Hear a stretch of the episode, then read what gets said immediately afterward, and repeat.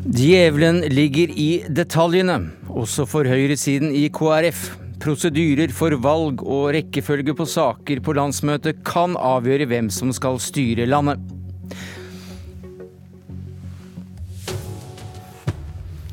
Velkommen til Politisk kvarter denne dagen før dagen før dagen til det som må være det mest omtalte landsmøtet i KrFs historie. Der vi også får eh, vite mer om eh, det er på gjerdene til høyresiden eller venstresiden for den smale sti at vi finner de fleste potensielle KrF-velgerne. Men først til debatten om spillereglene foran landsmøtet. Hvorfor er det så avgjørende for nettopp dette landsmøtet at man enten får stemme anonymt eller ikke? Professor i statsvitenskap og, og valgforsker Bernt Årdal. Nei, men Det handler jo om at man er veldig oppsatt på at eget syn skal vinne. og Det virker jo veldig de klart definert når man snakker om rød og, og, blå og gule. Men sannheten er vel at mange er veldig usikre. De liker Erna og Høyre, men ikke Frp. De liker Hareide, men ikke den kursen han uh, har valgt. Og, og, det kan også være at en del er veldig usikre på dette med splittelse og bekymret for det. Så det er nok en del usikre preferanser, eller veldig uklare preferanser for mange av disse uh, delegatene. Og da kan nettopp prosedyrer komme inn og bestemme valget? Ja, da har du jo bl.a. dette med en hemmelig avstemning. At mm. det gir større rom for at man da vipper litt den ene og andre veien, uavhengig av hva man i utgangspunktet var definert som. Hvor rett skal det være for um, høyresidens delegater å stemme for Hareides uh, uh, linjeskifte? Martine Tønnesen, du er KrFU-leder og sentralstyremedlem. Ja, Det viktigste for meg er at vi sikrer legitimitet til den prosessen som vi har hatt, og til det resultatet som vi får på fredag. Og nå har vi hatt en veldig åpen og ærlig eh, diskusjon fram til nå. Vi har livestreama ethvert fylkesårsmøte over hele Norge.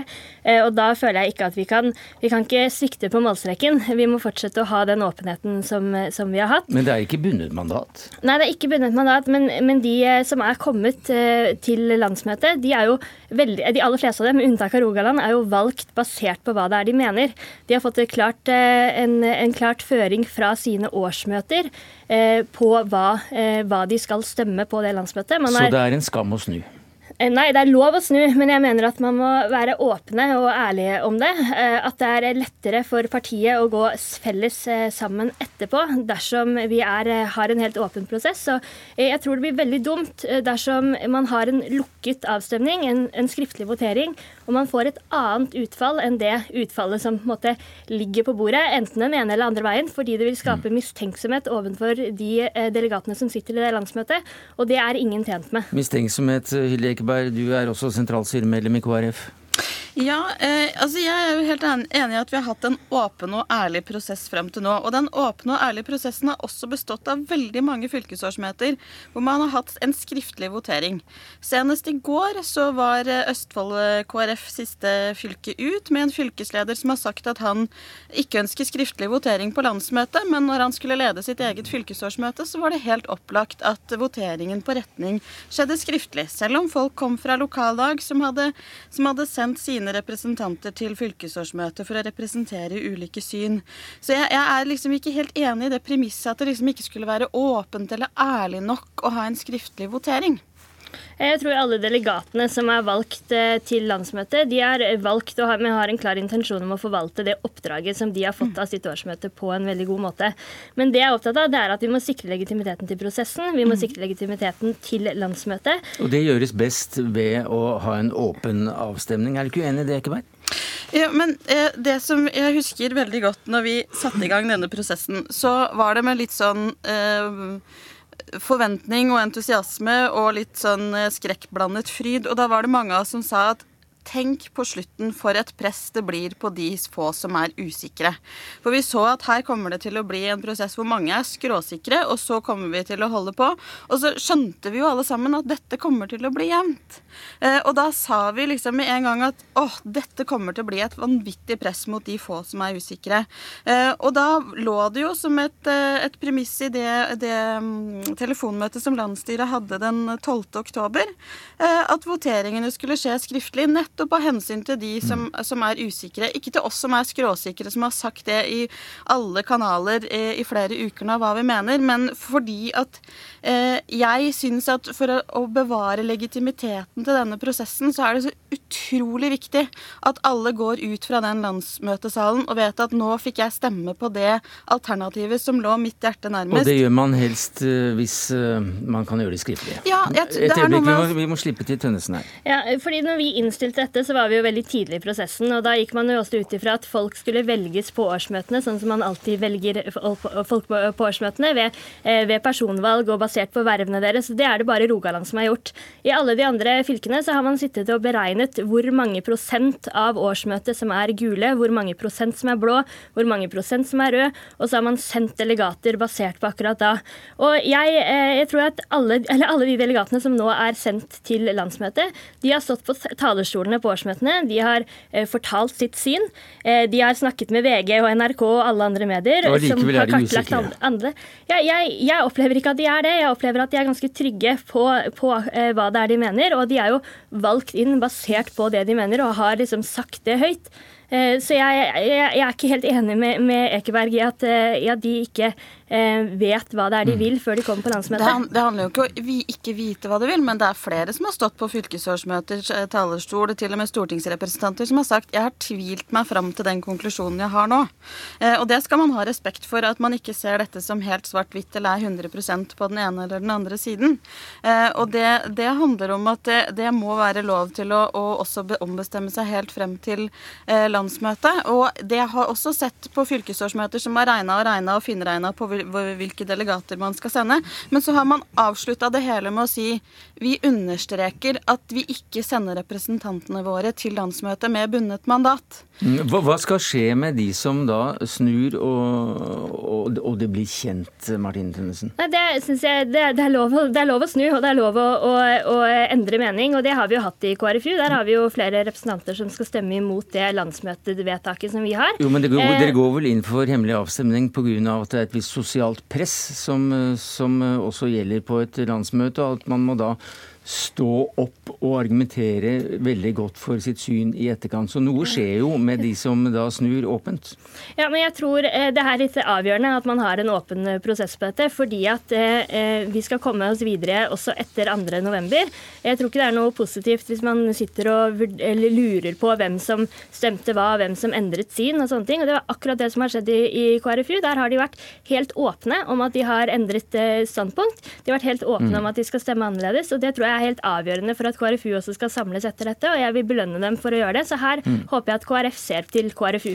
Det er også ikke sikkert at det skal et mirakel til for å redde Hareide, slik noen skriver i dag. Kanskje er det nok at delegatene får stemme anonymt. Takk skal dere ha, sentralstyremedlemmer i KrF Hilde Ekeberg og Martine Tønnesen. Dere møtes, om ikke før, så klokka 16 i morgen til det forberedende landsstyremøtet, der dette blir et viktig tema. Bernt Årdal, eh, hvor viktig blir eh, det møtet i morgen for det som da skal skje på, på landsmøtet på fredag? Det er klart at dette med avstemningsreglene, om det blir en åpen eller en skriftlig eh, avstemning, tror jeg kan, kan, ha en viss betydning. Men det er klart at nå har jo denne prosessen pågått over ganske lang tid. Og, og, de som eventuelt har vært mest usikre, kan jo være at man er blitt mer sikker etter hvert. Altså Det er blitt en polarisering, og det er ganske skarpe fronter. Så det skal jo godt gjøres at du, du liksom ikke helt vet hva du, hva du vil, men du kan lene den ene eller andre veien. Eh, men det er jo ikke sikkert at, at det hva skal vi si, den, den, hemmelige avstemningen vil få så store konsekvenser som man kanskje tror. Fordi at jeg tror mer det kan være det at, at man da, hvis, hvis, det nå blir et veldig tydelig si, en tydelig tegn eller trend i disse Eh, delegatene som nå blir valgt, altså at det er et veldig klart blått flertall. Mm. Så jeg er nok enig i at hvis det da plutselig skal snu og bli et rødt flertall i løpet av den prosessen, så er det noe som kan skape problemer innad i partiet med legitimiteten. Mm. Men samtidig så har vi det, det tredje alternativet, det såkalte gule alternativet, og der vil jo særlig denne rekkefølgen av avstemningsalternativene spille en veldig viktig rolle. At ikke det, altså Hvis man på en måte velger det man nå har sagt tidligere, at man skal først stemme om man skal gå i regjering eller ikke, så vil jo ikke de som har det som en sånn mellomposisjon, både på rød og blå side, ha noen sjanse. Så det er flere prosedyrer som må legges her før vi kan si noe om resultatet, faktisk. Og det skikkelige resultatet får vi også fredag, er det klokken 18.30. Har du opplevd noe lignende i ditt snart 40 år gamle virke som, som valgforsker interessert i, i, norske valg? Altså at et, at et parti under, under, sperregrensen på meningsmålingene, at, er, at regjeringen utgår fra deres landsmøte og ikke fra Stortinget? Ja, Noen har jo sagt at det liksom utgår fra én representant på landsmøtet. Hvis det da blir vipper i veldig Nei, det, det, altså, Hvis man formulerer det på den måten der, så virker det jo veldig dramatisk. Mm. Og, og, Noen vil jo da si at uh, regjeringer det skal skiftes etter valg. Men da glemmer man jo litt av historien. For det har vært ganske mange ganger, også i nyere tid, hvor det har vært uh, regjeringsskifter midt i, uh, i, valgperioden. Så i og for seg så er det faktisk en del av det parlamentariske Ikke spillet, men det parlamentariske systemet at i det øyeblikket at en regjering ikke har tillit av et flertall i Stortinget, så, så, har ikke den noen, noen, noen basis for å, for å fortsette. Eh, og dette med diskusjonen om avstemningsregler er også noe som vi kjenner fra før. I den store bataljen foran folkeavstemningen i 1994 om norsk medlemskap i EF var jo om et, hvor stort flertallet måtte være før man egentlig kunne gå inn eller holde seg utenfor.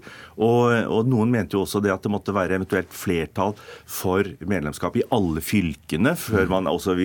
skulle gå Ja, Senterpartiet mente det. Mm. Så, så, det er altså Prosedyrer, eh, avstemningsregler, er også politikk. Så du er ikke verken Eh, raljerende eller overrasket spesielt over at, at det til de grader virker som det er eh, et sykdomstilfelle i en eh, dal på Vestlandet som kan avgjøre hele regjeringsspørsmålet? Nei, jeg tror ikke du skal ha vært så veldig langt unna politiske prosesser, for du skjønner at Bismarck hadde et poeng når han sa det at den som vet hvordan pølser og politikk blir til, vil aldri mer ha en god natts søvn. Det er selvsagt veldig spissformulert, men det er klart at det kan være små uh, utslag lag. Eh, ikke alltid virker det rasjonelt på utenverdenen. Det kan være altså folk som kommer og påvirker dette. Fra andre land så kjenner vi at det skjer på ganske brutale måter. Men selv i Norge så kan det være stå vippe. Det er veldig små faktorer som kan være utslagsgivende.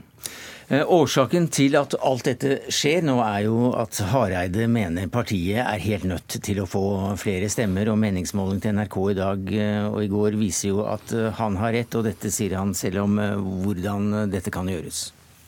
Mange velgere er litt avventende. De vil se om jeg vinner fram på vårt landsmøte. Og vinner jeg fram, så tror jeg det gir et stort potensial for KrF et stort potensial for KrF eh, til venstre for, for dagens eh, sentrumslinje. Har han rett i det, Ola? Det er klart at han har et poeng, og jeg tror nok at han ser litt tilbake til 97 og 2001, hvor partiet hadde sin største oppslutning noensinne. Og i den perioden så hadde man jo den situasjonen at man appellerte til velgere både til høyre for midtstreken og til venstre for midtstreken. Disse velgerne på sentrum venstre mistet man i 2005, da man da gikk sammen regjering med, med Høyre. Så det er klart at i dette samarbeidet på høyresiden, så har det ikke gått så veldig bra for partiet. Så selv før nå så har man ligget til dels under sperregrensen. Så så vi et lite løft nå fra september til oktober på disse gjennomsnittstallene. At den første reaksjonen på Hareids tallet tyder på at man kanskje hadde et potensial til å vinne der. Mm. Men, men nå, den siste perioden her nå, så har det jo vært veldig si, veldig mye usikkerhet knyttet nettopp til linjevalget. Så, så, akkurat nå så er nok mange velgere usikre. Der tror jeg han har rett. Dagens eh, meningsmåling fra NRK viser jo også det. Ja, altså de, der, der, er ingen, ingen endring fra, fra, forrige måling. Så det er i hvert fall ikke noen tendens til at de har fått noen gevinst ut av all den oppmerksomheten de har fått. Og det er veldig spesielt at et et eh, jeg håper å si, nesten hvilket som helst parti, men i hvert fall et såpass lite parti som Kristelig Folkeparti, får en nesten sånn vegg-til-vegg-dekning nå i mm. uke etter uke. Det ble snakket mye om hvilken effekt det kunne få på landsmøtet om Hareide flagger at han går av hvis han ikke får viljen sin ganske kort til slutt. Hva tror du om det? Ja, det kan påvirke. Jeg vil jo si at det vil være en av de minste overraskelsene man har hvis han sier det. For det har han vel egentlig gitt uttrykk for, selv om han ikke har sagt det offentlig utenom uh, de fire veggene i partiet. Uh, men det er klart, noen vil nok la seg styre av det. Men, men det har vært såpass kjent. altså Det vil være rimelig uvanlig hvis han skal fortsette etterpå. Det var det vi rakk i Politisk kvarter i dag. Om to dager og ti timer og 30 minutter så får vi vite svaret. Jeg heter Sverre Tom Radøy.